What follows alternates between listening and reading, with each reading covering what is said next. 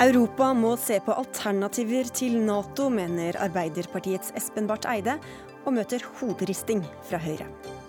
Det er naturen som får lide når regjeringa gir mer makt til kommunene i utbyggingssaker, sier SV, som frykter at artene dør i rekordfart, mens hytter og veier prioriteres. Og reiseselskapene må skille bar og bamseklubb, sier Alcovet-organisasjonen av og til, som har sett seg lei på foreldre som drikker rundt barna på sydenferie. Dette er veldig sjeldent et problem, protesterer Ving.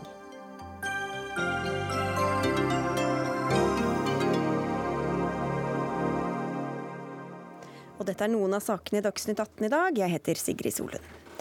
Ja, i dag var dag to av Nato-toppmøtet i Brussel, og også i dag fikk USAs president Donald Trump sette agendaen.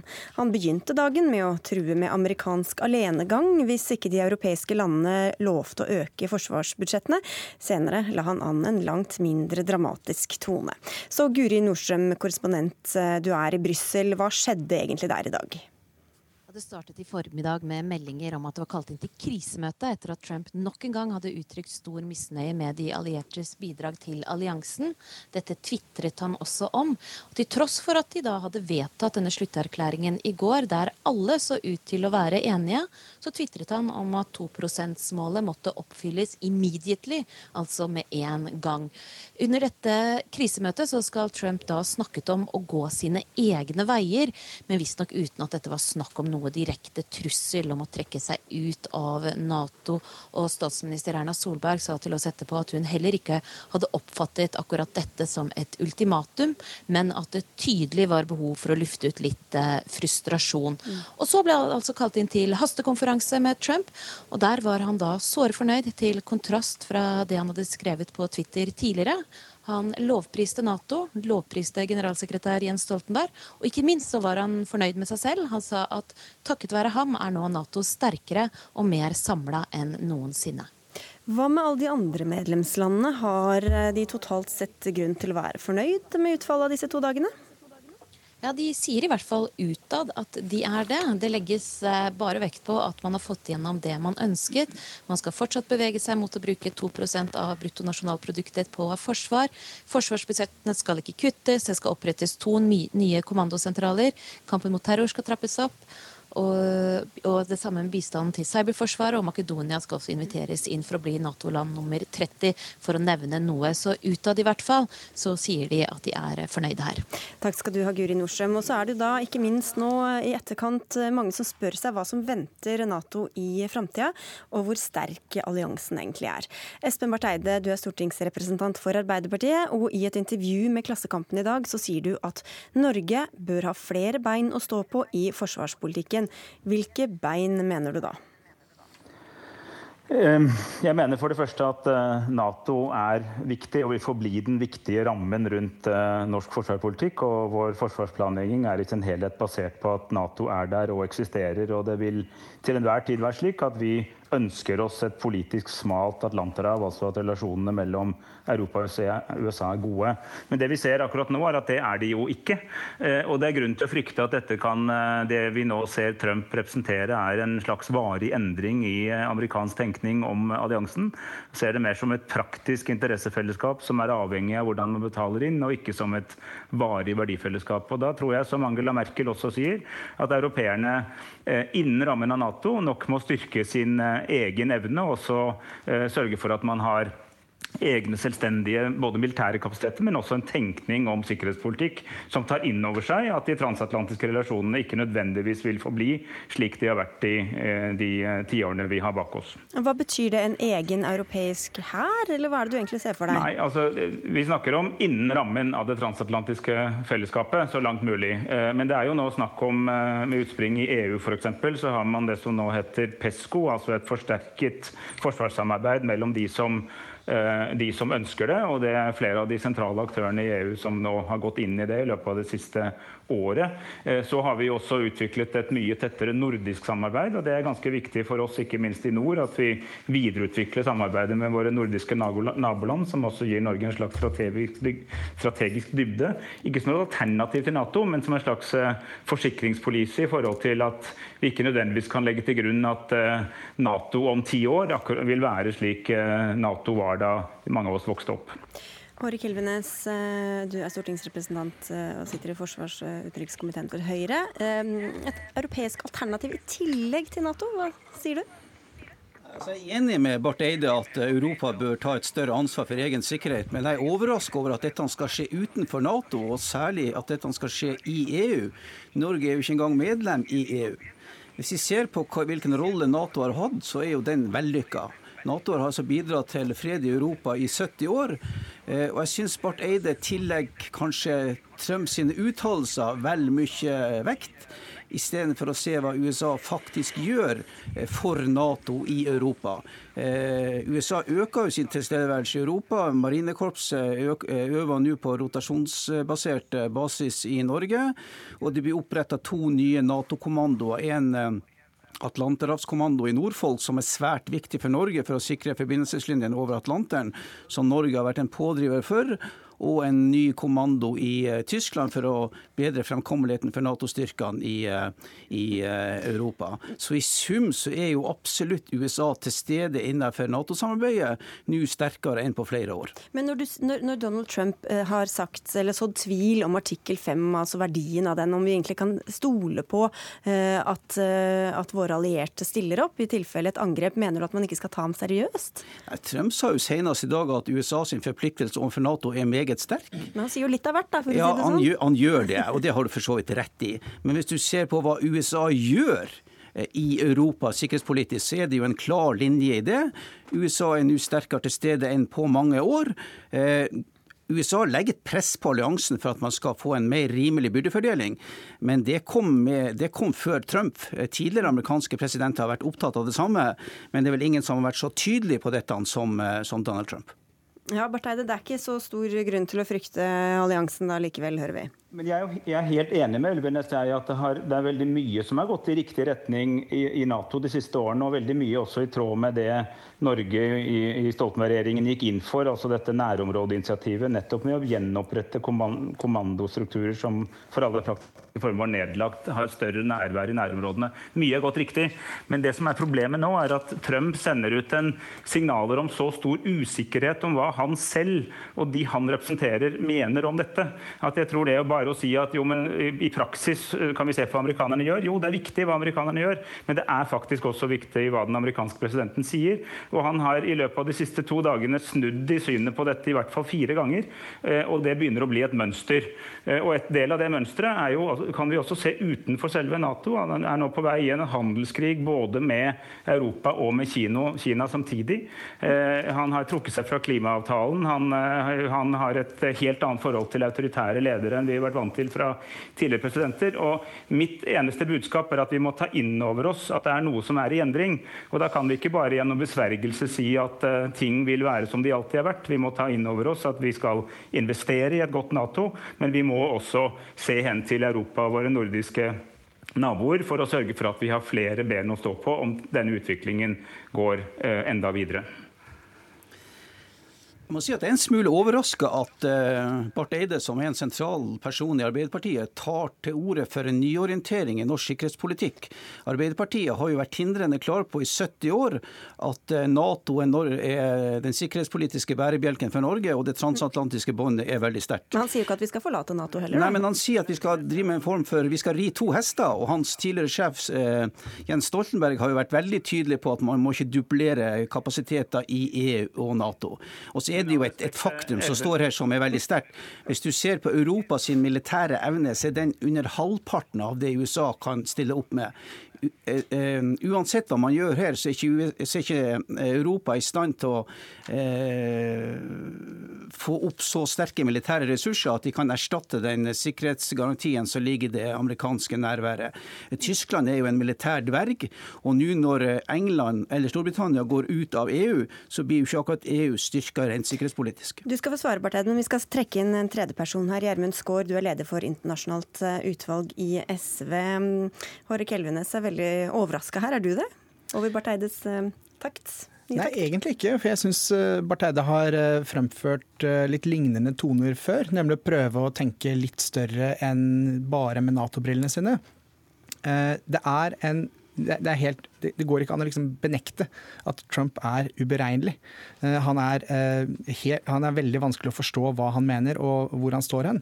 Og Hvis vi skal sammenligne med andre viktige allianser, så er det sånn at han reiser og møter denne despoten i Nord-Korea.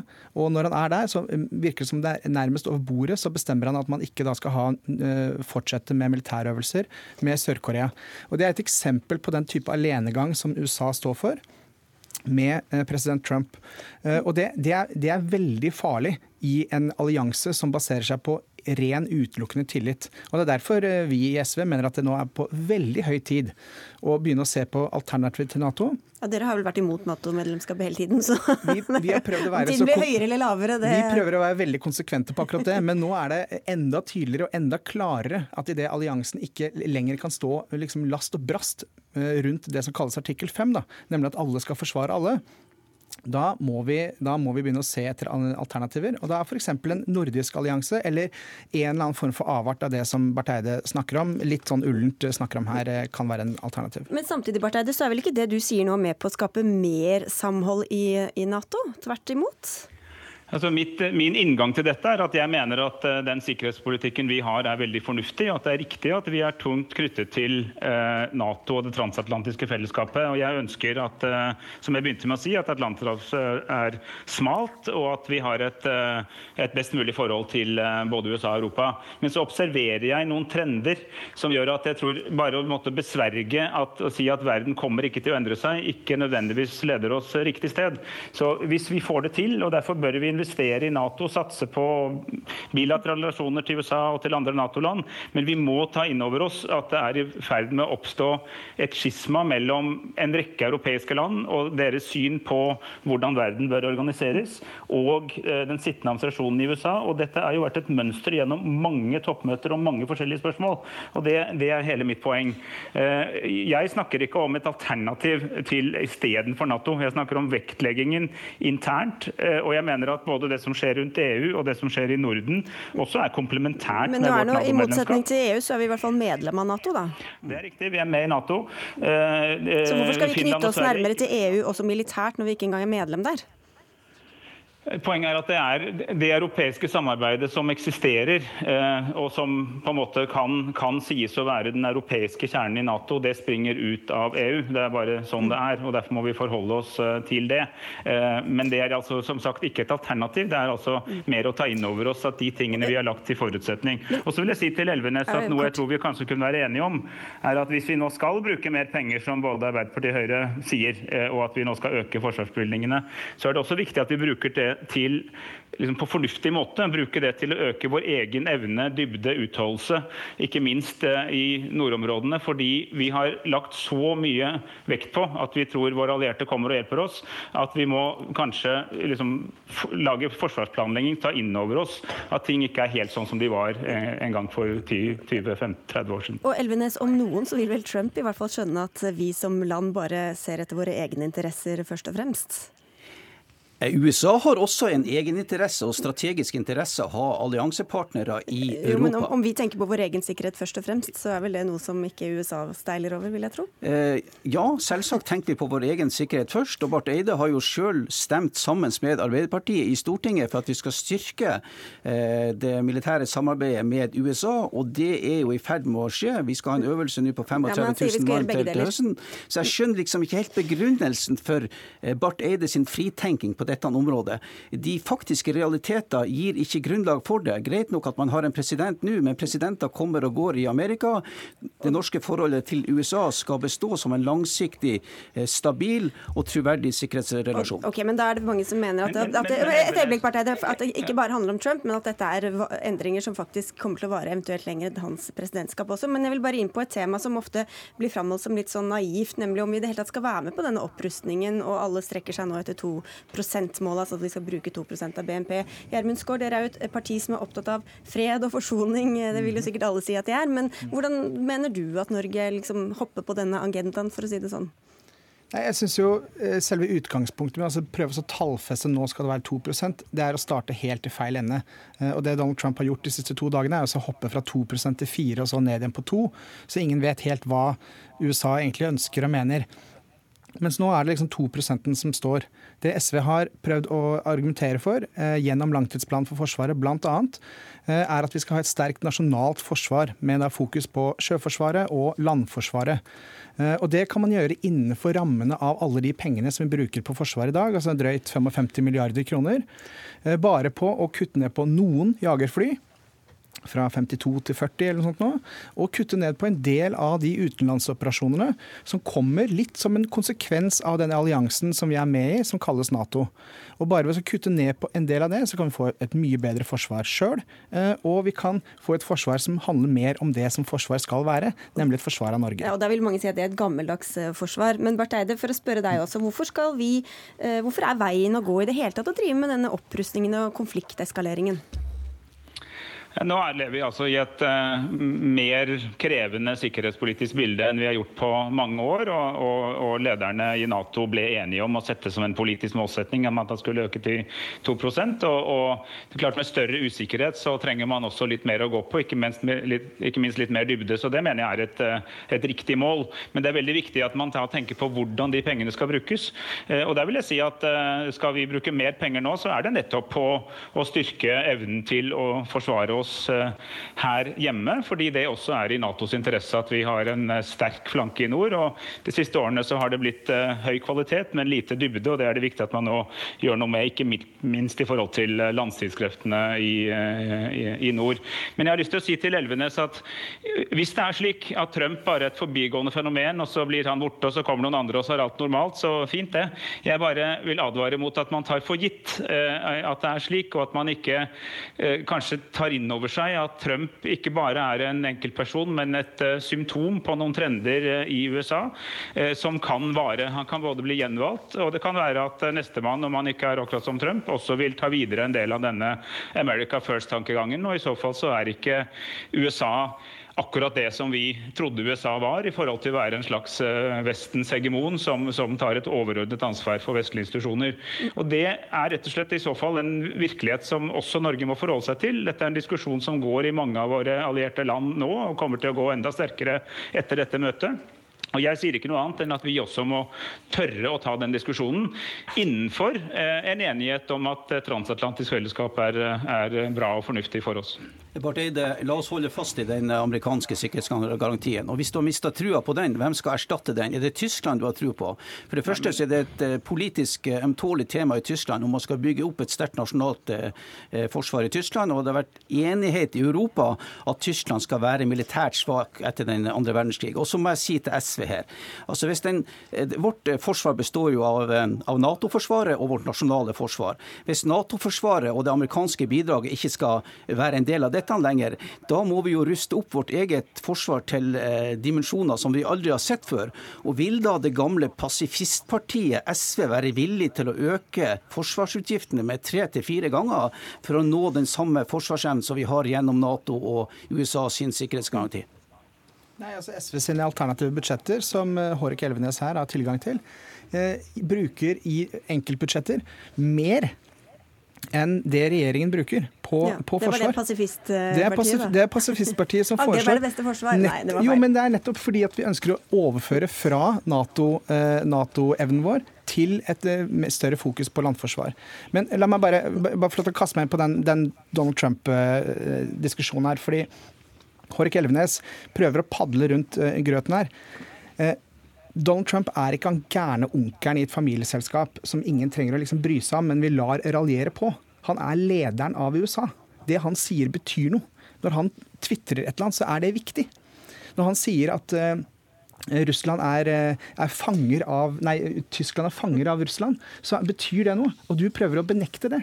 Eh, og det er det som er farlig. For han har nå undergravd selve premisset, selve fundamentet av Nato. Ja, det, og du prøver egentlig å liksom bare skyve det unna. Det er jo ikke sånn at han ikke har handlet eh, Det ble nevnt klima- eller Parisavtalen her, Elvenes. Så kan du føle deg så sikker på at det faktisk ikke ligger handling i bånn, altså at det bare er sånn uskyldig tvitring, for å si det sånn? Ja, hvis vi skal legge handlingen til, i bånn, og det mener Men at det kan komme en annen handling også? Og det, det mener vi faktisk skal gjøre, så må vi forholde oss til de handlingene som allerede er utført. Og da ser man at USA faktisk styrker sitt militære nærvær i Europa. Og det er jo et bevis for at de faktisk mener alvor med sitt Nato-engasjement. Og husk, eh, USA bærer 75% av fellesutgiftene i Nato. Og da er det kanskje ikke rart at USA ber om en litt rimelig byrdefordeling i dette. Og det, og det, og det er jo det dette Nato er i gang med. Eh, forsvarsutgiftene har jo økt på fjerde året på rad for Nato, så vi er på vei mot 2 %-målet. Dere, vi, dette er ikke en diskusjon som er slutt her. Vi, vi må ta den videre en annen dag. For nå skal vi til Storbritannia, hvor eh, Donald Trump eh, landet nå litt tidligere i ettermiddag. Der skal han møte statsminister Theresa May og dronninga. Og også i dag er det knyttet stor spenning til hva han kan finne på å si og gjøre, korrespondent Øyvind Rønning Nyborg. Hva er det han egentlig skal i Storbritannia? Nei, Han skal uh, flere ting, men uh, det aller viktigste det er bl.a. En, uh, en middag i kveld med statsminister Theresa May og en rekke næringslivsledere. Og I morgen tidlig så skal han sammen med May ut til en militærbase. De skal se på en felles øvelse mellom Storbritannia og USA. Så skal de trekke seg tilbake, de to, og ha bilaterale samtaler på Mays landsted. Det skal være en kort pressekonferanse før eh, Trump avslutter sitt eh, besøk i England eh, med en kopp te hos dronning Elisabeth. Og hva skal de diskutere? Kanskje ikke nødvendigvis han og dronningen, med han og May? Ja, Det er jo svært viktig for Theresa May å få til en handelsavtale nå og få til gode relasjoner med USA, nå som de har klipt navlestrengen til EU og forlater eh, unionen i mars eh, neste år. Eh, dette er noe som de kan ha løse samtaler om på dette tidspunktet. Men foreløpig har det jo ikke skjedd veldig mye. Britene er blitt også rammet av denne gryende handelskrigen Trump har satt i gang. For de eksporterer en god del stål til amerikansk forsvarsindustri, og således er, er de rammet. En annen ting som er viktig for Storbritannia, er forholdet til eh, Russland. Det er eh, svært eh, viktig for meg å få sagt at Trump må ta opp det som skjedde i Salisbury med da nervegassangrepet mot ekspionen Skripal og datteren hans der. Og så skal man selvfølgelig snakke om Iran og også det som skjer i, i, Israel og Palestina. Du spørs om ikke vi kommer innom dette i morgen også. Takk skal dere ha alle sammen. Espen Barth Eide fra Arbeiderpartiet, Hårek Elvenes fra Høyre og Gjermund Skaar fra SV.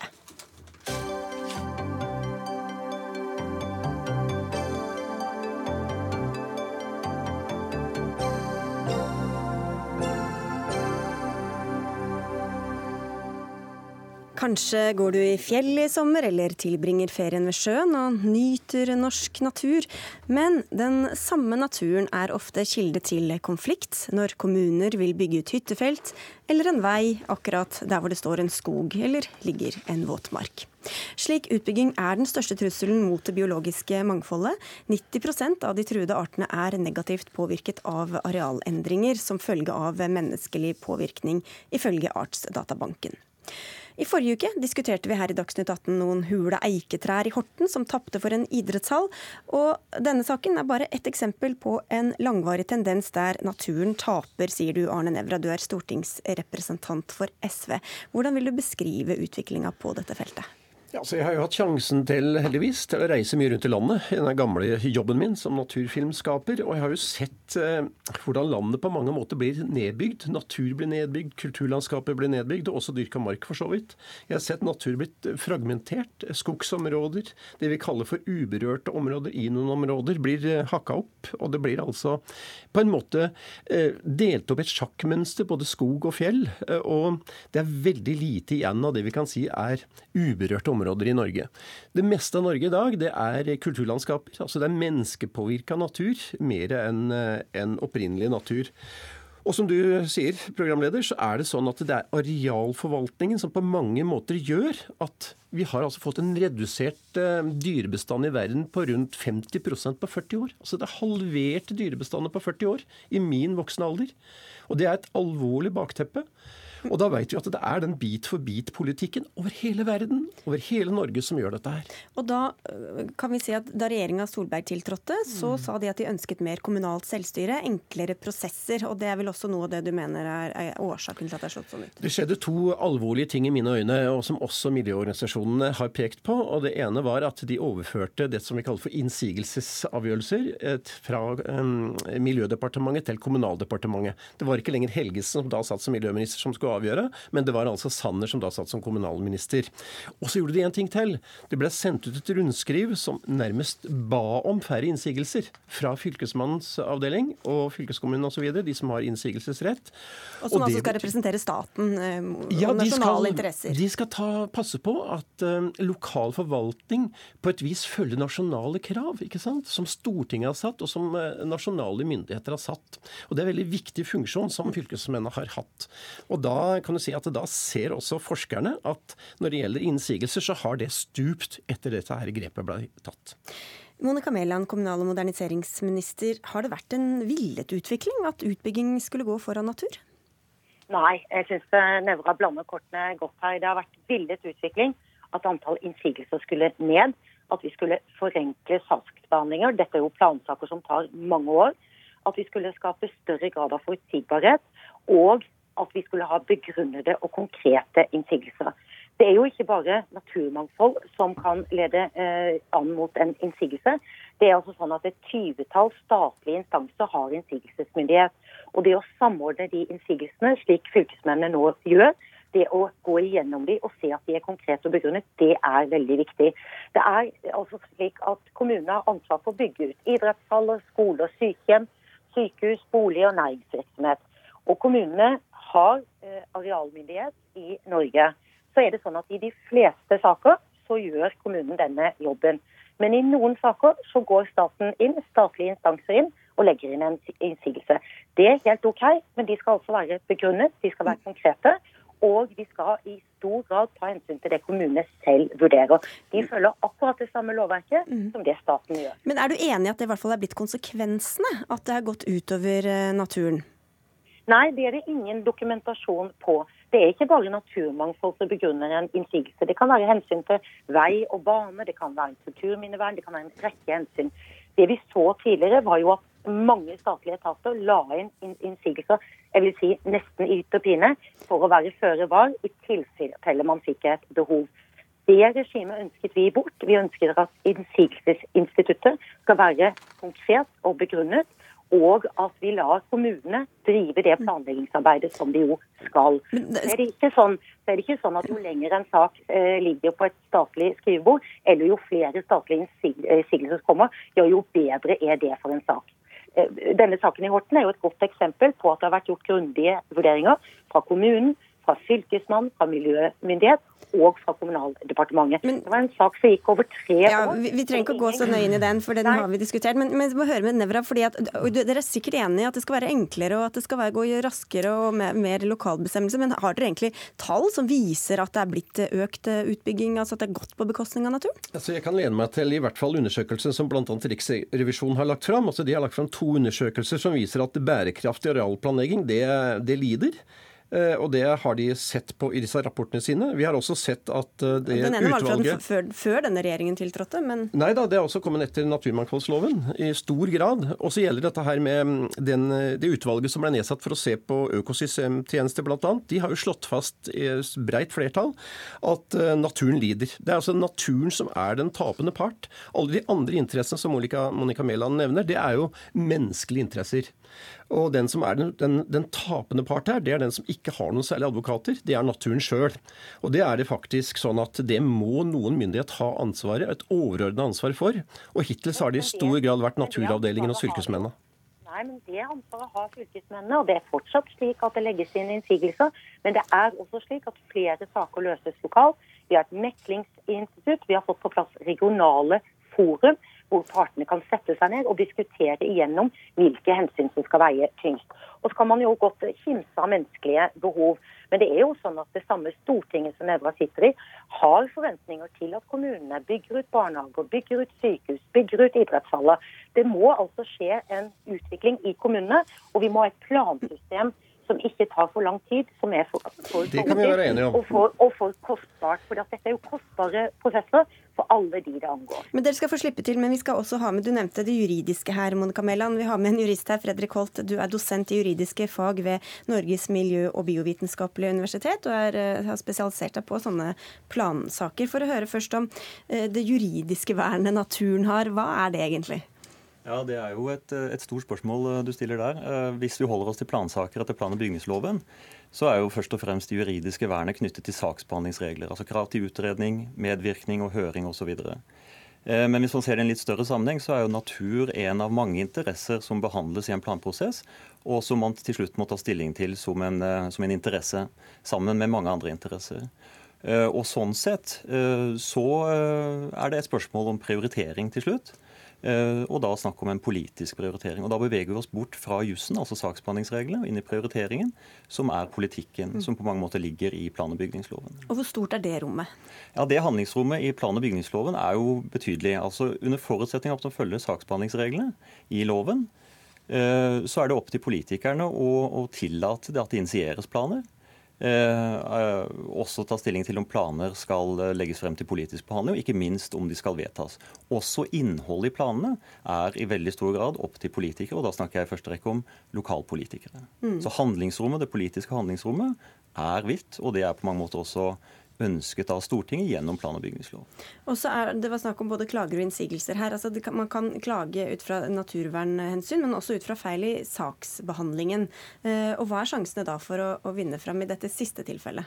Ja, hvis vi starter med dette med innsigelser. Det som er litt utfordrende når man bruker innsigelse i, i plansaker, det er jo at loven sier at eh, har man behandlet en innsigelse på departementsnivå, fattet et vedtak, truffet en avgjørelse, så er det ikke klageadgang på vedtaket. Og Det innebærer jo at organisasjoner og andre som eventuelt måtte ha ønske om å klage i forvaltningssystemet, mister den klageadgangen når det kommer opp på departementsnivå. Men det betyr jo ikke at enhver klageadgang er borte. og Man har jo Sivilombudsmannen man eventuelt kan bringe inn spørsmål for av rettslig karakter, og også domstolene. Men det er klart domstolene er vanskelig å komme inn i for en organisasjon. Det er kostbart, det, det tar tid, det er krefter. Eh, sånn at eh, det å få prøvet disse spørsmålene for domstolene, det skjer relativt sjeldent på denne type saker. Det skal jeg høre med deg, Monica Mæland. fordi som det ble nevnt her, så var det sånn altså i 2013 at regjeringa flyttet ansvaret for plansaker til ditt departement. Før var det Klima- og miljødepartementet som avgjorde sånne saker. Tror du at du og dine forgjengere vekter disse hensynene noe annerledes enn klima- og miljøministeren? Det har jeg ikke noe grunnlag for å si, men jeg har et grunnlag for å si at Kommunaldepartementet jo er kommunenes departement. Og arealpolitikken ligger i kommunene. Det er også Kommunaldepartementet som har ansvar for fylkesmennene. Og sånn sett så mener jeg vi får en veldig god oversikt og vi får en veldig god saksbehandling. Fordi naturmangfold er altså et av veldig mange hensyn. Det er slik at Jernbaneverket, Statens vegvesen, og veldig mange instanser kan legge inn innsigelse. Og Det å få dette inn i et departement som kan ta et overordnet eh, ansvar, mener jeg er veldig mm. viktig.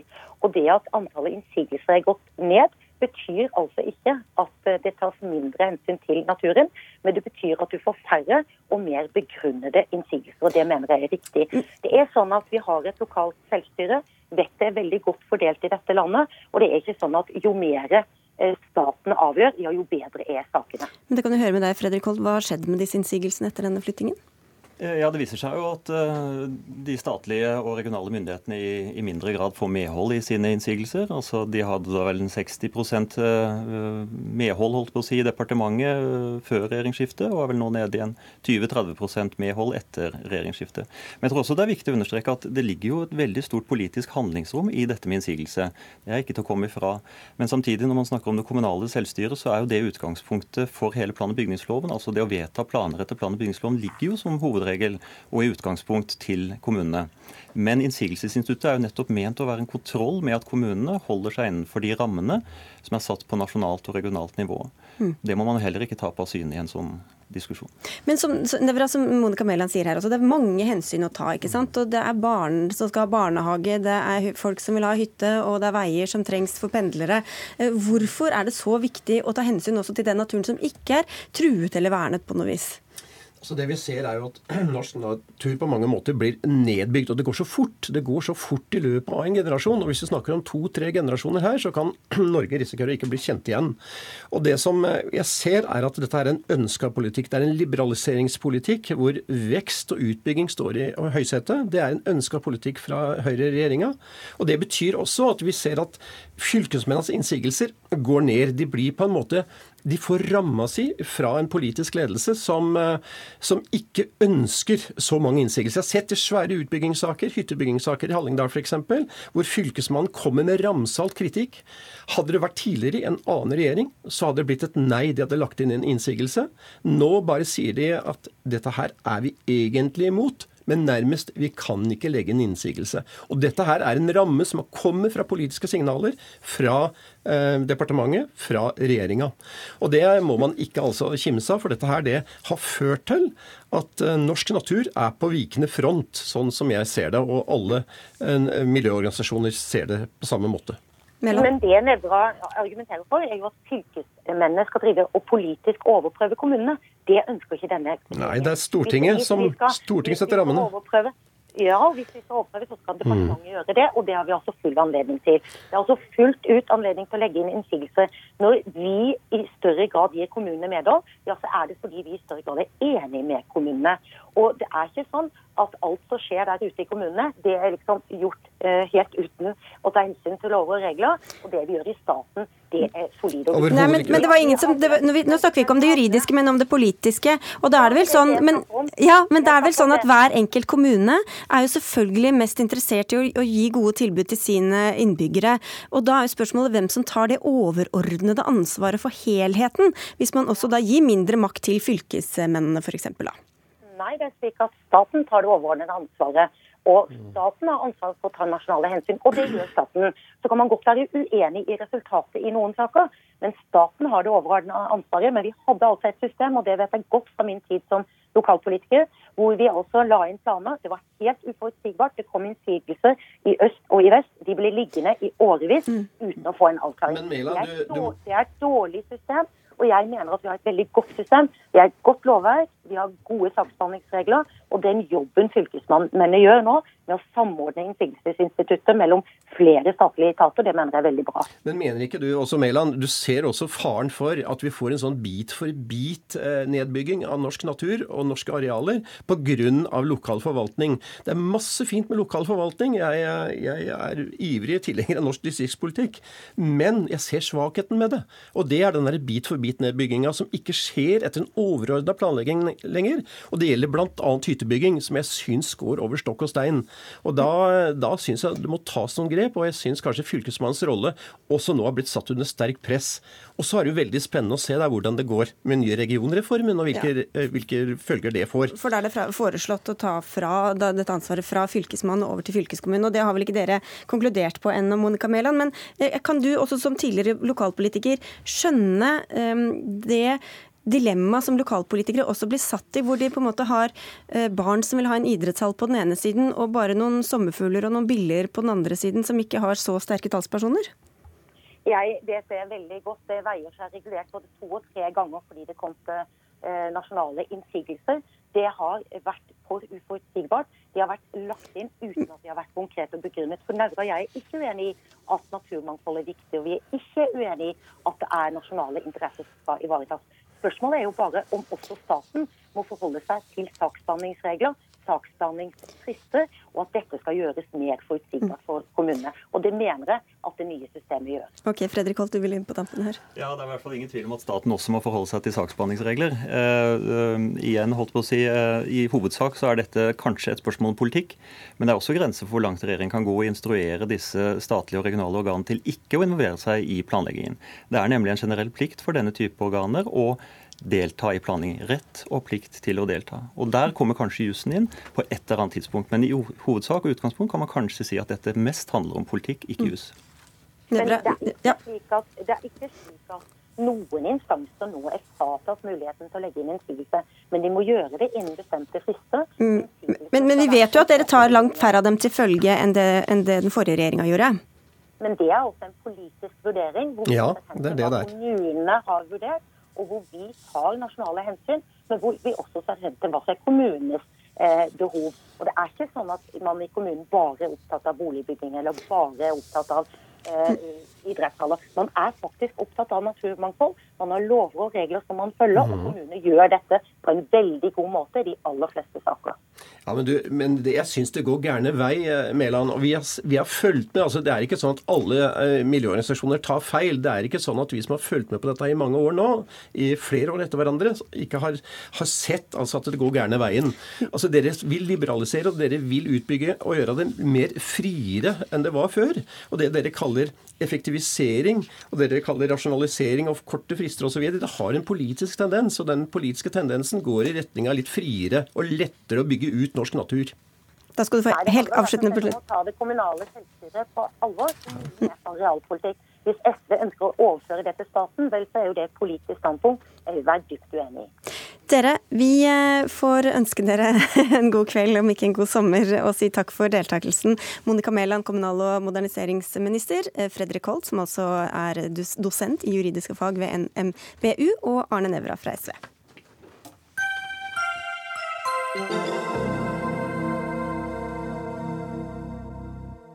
Fra natur til kultur, eller manglende sådan, for eh, TV 2 vil ikke forplikte seg til å lage kulturprogrammer.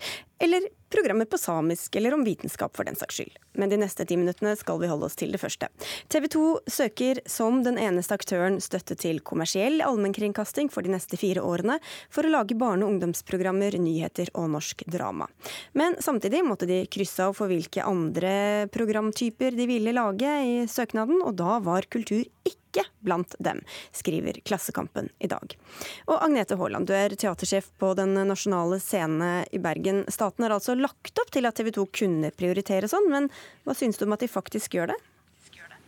Jeg syns det er overraskende og er det skuffende, og jeg syns det er skuffende både av staten og av TV 2 at ikke det har vært stilt større krav til TV 2 når de nå skal få lov til å kalle seg allmennkringkaster. Fra mitt perspektiv så er det å være allmennkringkaster det er en veldig forpliktende benevnelse. Det gir den som er det, et særlig ansvar for både å informere om det som skjer innenfor kunst- og kulturfeltet, og være et kritisk blikk på det, og dermed bidra til å utvikle det. Så jeg ble veldig overrasket over at ikke det er en del av premissene for å kunne være en allmennkringkaster. Ja, nå er jo ikke ja, vi, skal, vi, kan gå til, til, Trygve Rønningen med en gang. Vi har jo også forsøkt kulturminister Trine Skei Grande, som vel er ansvarlig for selve uh, utlysningen, eller hun er blitt det nå i hvert fall. Men, uh, men, dere valgte jo som dere valgte, da. Trygve Rønningen, kanaldirektør i, i TV 2. Og hva slags allmennkringkaster blir dere uten noe kulturtilbud?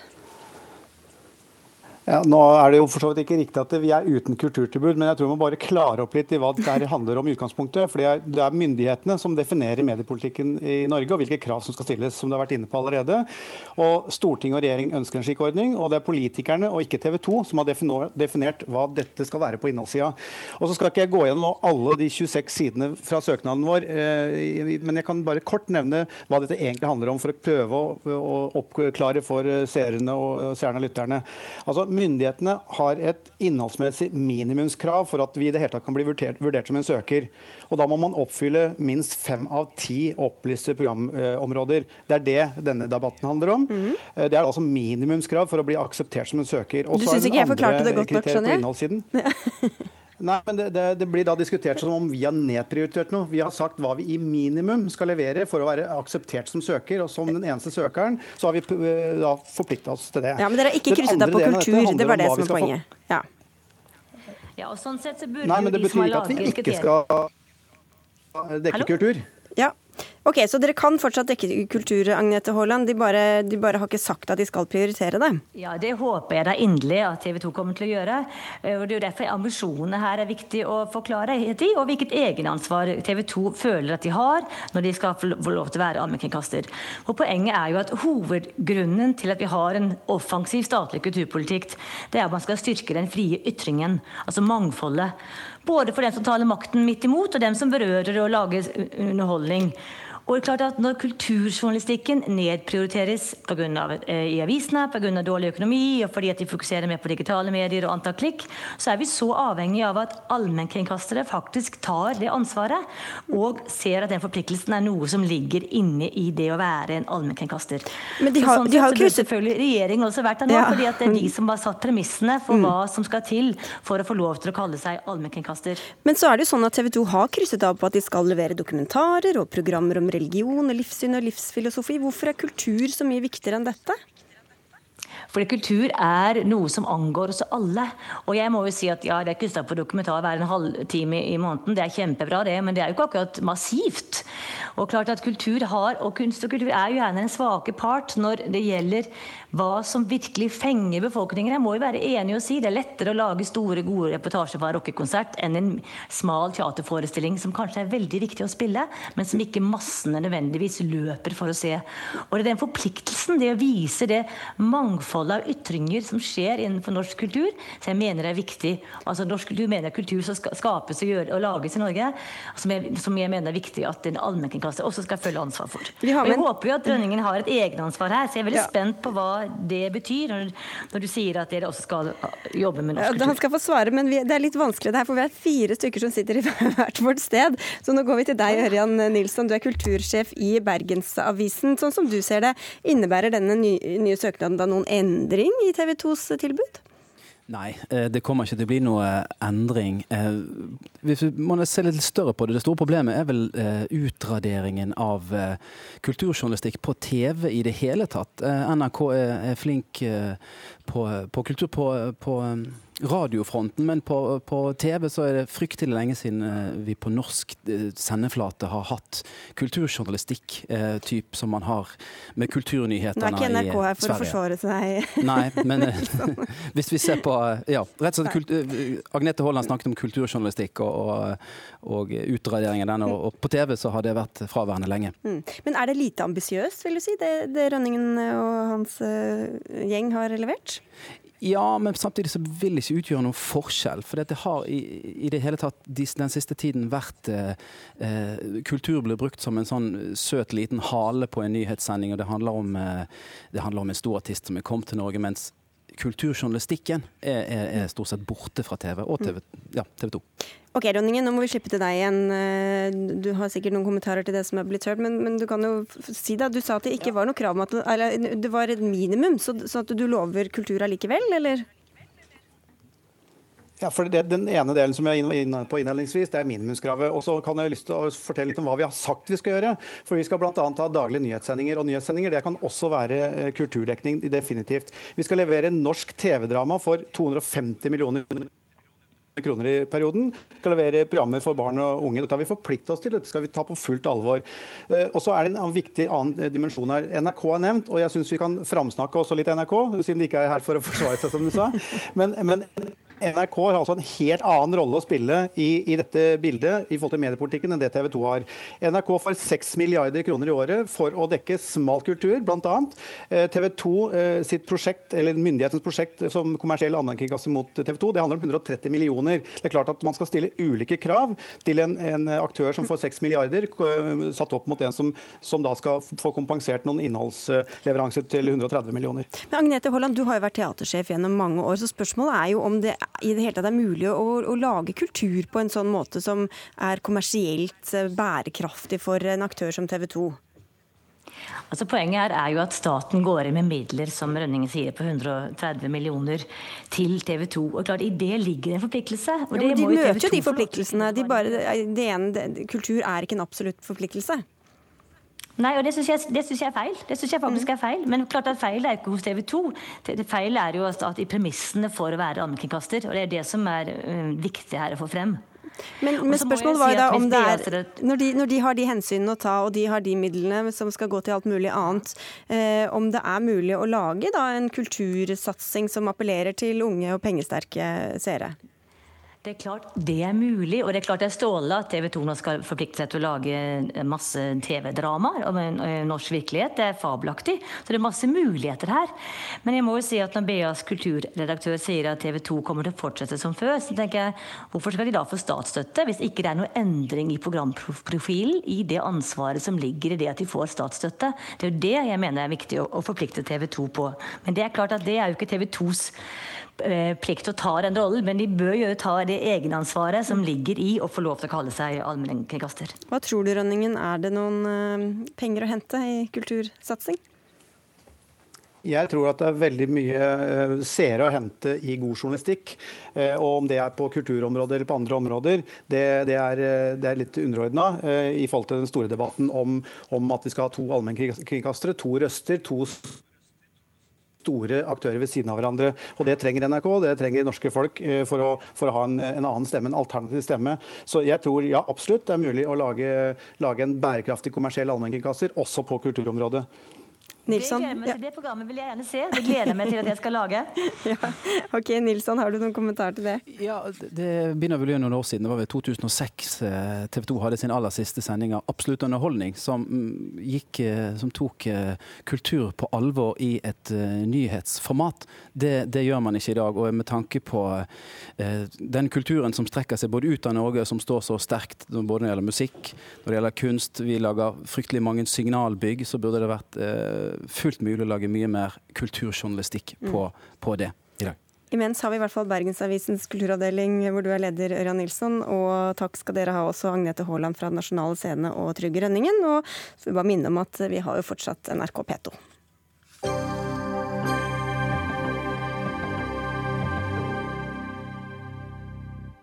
Det har vært uh, veldig fint vær i store deler av Norge, men det er jo mange nordmenn som allerede har bestilt turer til sydlige land og sikkert befinner seg der nå. Der har de store reiseoperatørene mange tilbud til barnefamilier, men er det greit at Vings bamseklubb for barn ligger bare et par meter fra baren? Eller at vinkartongene står rett ved siden av jusen i kantineområdet? Det spørsmålet stiller du i Dagsavisen, Randi Eriksrud. Du er generalsekretær i Av og til, som dere kaller en alkovett-organisasjon. Mm. Og hva er svaret på disse spørsmålene? Nei, Vi er jo opptatt av eh, barns beste, og det er vi sikre på at reiselivsselskapene er eh, også. Hvert år så tar Ving og de andre reiseselskapene imot tusenvis av barn på ferie. De tilbyr barna det som for mange av de er en drømmeferie, med badebasseng, strandliv, is og bamseklubb. Men så er også alkohol tilgjengelig på en helt annen måte enn det vi er vant til her i Norge. Og det mener vi at gjør at reiseselskapene har et ansvar for at disse barna kommer hjem med gode ferieminner, og ikke ferieminner ferieminner som er preget av de valgene foreldrene har i barn. Så Derfor har vi utfordra de på å gjøre eh, ulike ting. Vi har utfordra de på å gjøre mer for å forebygge det vi kaller skadelig alkoholbruk rundt eh, barn. Vi har bedt de se på alkoholtilbudet sitt på hotellene, om de skal gjøre noen begrensninger i det. Og så har vi bedt de om å ha tydelige og gode rutiner for hva de gjør når barn har foreldre som drikker for mye. Du skal få svare på det, men først kan du si erfaringsmessig. Hvordan merker barn, eller noen barn, da, at voksne eller noen voksne drikker på disse feriene?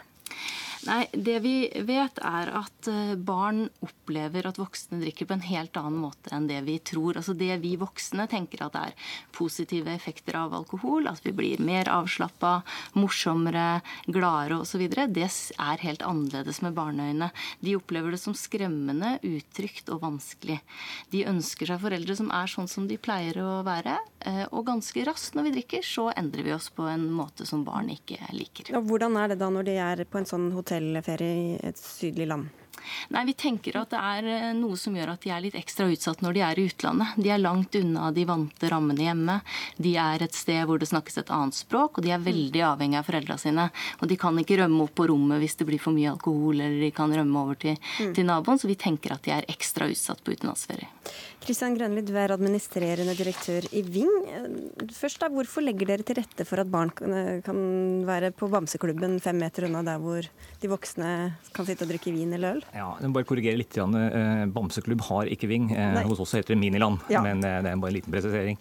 Du, eh, dette er internasjonale hotellkonsepter som, eh, som, vi jobber med. Eh, og Totalt sett så har vi i vår egen portefølje med disse minilandene ca. 25, hvor vi har barneklubber, showscener, barnebasseng og alt tilrettelagt for en familieferie. Og Der er vi selvsagt veldig opptatt av at alle skal ha en ferie hvor de kommer hjem med gode minner, også barna. Og heldigvis så viser de tallene som vi har at det er også tilfellet. Men så finnes det unntak. Det gjør det. Eh, vi har ca. 400 000 nordmenn som reiser på ferie med oss hvert år.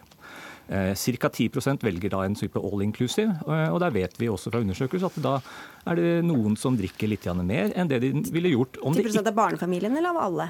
10% av barnefamilien ca. Mm. Det varierer litt på mm. sesong.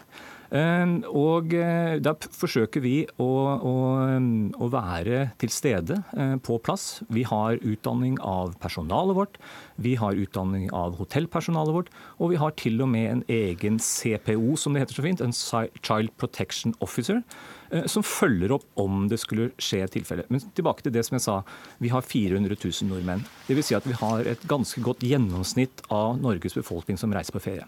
Da har vi de som overhodet ikke rører alkohol i det hele tatt. Vi har de som drikker moderat, kanskje noe mer enn det de ville ha gjort hjemme. For, og vi vet fra undersøkelser at folk sier de drikker mer når de er på ferie, men i forhold til hva? Om man er vant til å ta ett glass rødvin på lørdagskvelden, og gjør det kanskje mandag til lørdag på ferie. Så har man syvdoblet alkoholforbruket sitt, men allikevel er det ikke misbruk. Mm. mm. Og spørsmålet er jo også hvorfor det er reiseselskapenes ansvar i det hele tatt eh, hva foreldrene gjør eller ikke gjør, eh, Eriksrud? Ja, altså Jeg er helt enig i at foreldrene har et stort ansvar her, og de har hovedansvaret. Og så har vi lyst til å utfordre reiseselskapene på om de kan gjøre mer. For jeg tenker at vi alle er opptatt av barns eh, beste. Og reiseselskapene de er i en unik posisjon til å kommunisere til barnefamilier rundt alkohol. Og jeg syns det er bra at de har gode rutiner for å håndtere de situasjonene hvor det har gått altfor langt. Men vi vet også at barn lider under mer sånn normal, det vi ser på som normal drikking, og at de syns det er er vanskelig og uttrykt mye tidligere enn det vi voksne, voksne gjør. Og Derfor så kunne vi tenkt oss reiselivsselskaper som hadde et tydelig standpunkt i stort alkoholforbruk rundt eh, barn. Ja, hvordan skal det komme til? Skal det være advarsler, plakater, eller skal liksom ja, vi, bartenderne si nei, nå husk på datteren din sitter der borte, nå har du tatt to øl, eller Ja, vi, ja, vi har jo ønsker å komme i dialog med reiseselskapene om dette, for vi ser at det er mange ulike eh, hensyn å ta i å utarbeide disse retningslinjene retningslinjene. Men det jeg ser, f.eks. har vært inne og sett på hvordan de jobber på miljøfeltet. Og der har de tydelig informasjon på nettsida si. De har et tydelig standpunkt som de kommuniserer til gjestene sine. De har klare mål for arbeidet, og de har konkrete, gode råd til gjester om hvordan de kan bidra. Mm. Og vi har f.eks. For foreslått informasjon til reisende før man drar på ferie. Jeg tror mange foreldre ikke kjenner til dette med hvor fort et barn blir prega av at voksne drikker alkohol. Og der er av og til en, en god avsender på et sånt budskap. Men jeg tenker også at reiseselskapene kan kan gjøre det uten at de blir moralister eller får for mye pekepinn. Ja, med tanke på de enorme tallene du viste til, Grønli, så hvorfor har dere ikke tatt dette ansvaret? Fordi vi har vel egentlig ikke opplevd det som et stort problem. Eh, og vi har håndtert det så godt vi kan på, eh, på reisemålene. Dere har opplevd at foreldre er blitt for fulle? Vi har opplevd at folk har blitt for fulle. Helt klart. Mm. Og da har vi rutiner for å håndtere det. Både varsling av eventuelle myndigheter her hjemme eller lokalt hvis det er nødvendig. Men det skjer på våre anlegg én til to ganger i året mm. på nordisk nivå hvor det er alvorlige saker. Og så er det, som det ble påpekt her nå, at det er mange som kanskje da faller i en sånn gråsone hvor man skal man gripe inn, eller skal man gripe inn? Skal man gripe inn i privatlivets fred, eller skal man ikke gjøre det? Mhm. Og den er litt vanskelig. Men dere fanger nødvendigvis ikke opp der hvor barna bare opplever et visst lite ubehag, uten at dere ser at foreldrene er blitt veldig fulle? Nei, det kan være vanskelig. Og så er det jo, altså, Vi har jo ikke personale overalt på alle anleggene til enhver tid. Eh, og mange av disse anleggene er jo selvhusholdning også, hvor vi ikke vi kontrollerer alkohol. Eh, man kan kjøpe med seg fra, på Gardermoen på taxfree, eller i Trondheim, eller hvor det nå skal være. Mm. Eller på lokale supermarkeder, eller hva det skal være. Altså, Vi overvåker ikke kundene våre. Men vi, bare se. vi har en interesse av å gå i en dialog med av og til. Og det har vi jo allerede avtatt at vi skal etter sommeren nå sette oss ned og se om vi kan finne noen smarte måter å gjøre dette på for å kommunisere bedre og med kundene. Da vil du sikkert si at det er veldig flott, Eriksrud, men hva, vet du hva alternativet hadde vært? Kanskje bare at de satt på hytta og drakk eller på campingplassen og drakk i stedet for? Nei, vi vet, eh, Det er en grunn til at vi setter fokus på utlandet og at vi setter fokus på all inclusive hoteller. Og det er at det skjer noe med oss nordmenn når vi reiser gjennom uh, taxfree-en på Gardermoen. Altså vi, vi, drikker mer når vi er i utlandet, uh, og vi drikker mer på all inclusive uh, hoteller. Det er ingen andre anledninger der så høy prosentandel sier at vi drikker sammen med barna våre. og Det er derfor vi mener at, at dette er et spesielt viktig område å ta tak i. Da er det jammen bra dere har avtalt et møte, da. Får bare se hvordan sommeren går, går uh, imens. Takk skal dere ha, i hvert fall begge to, uh, generalsekretær i Av og til, Randi Eriksrud, og til deg her i studio, Christian Grønli, som er administrerende direktør i Ving. Det var uh, Odd Nytrøen som var ansvarlig for sendinga, teknisk ansvarlig Finn Lie, og jeg heter Sigrid Solund og er tilbake i morgen klokka seks. I mellomtiden, ha en riktig fin kveld.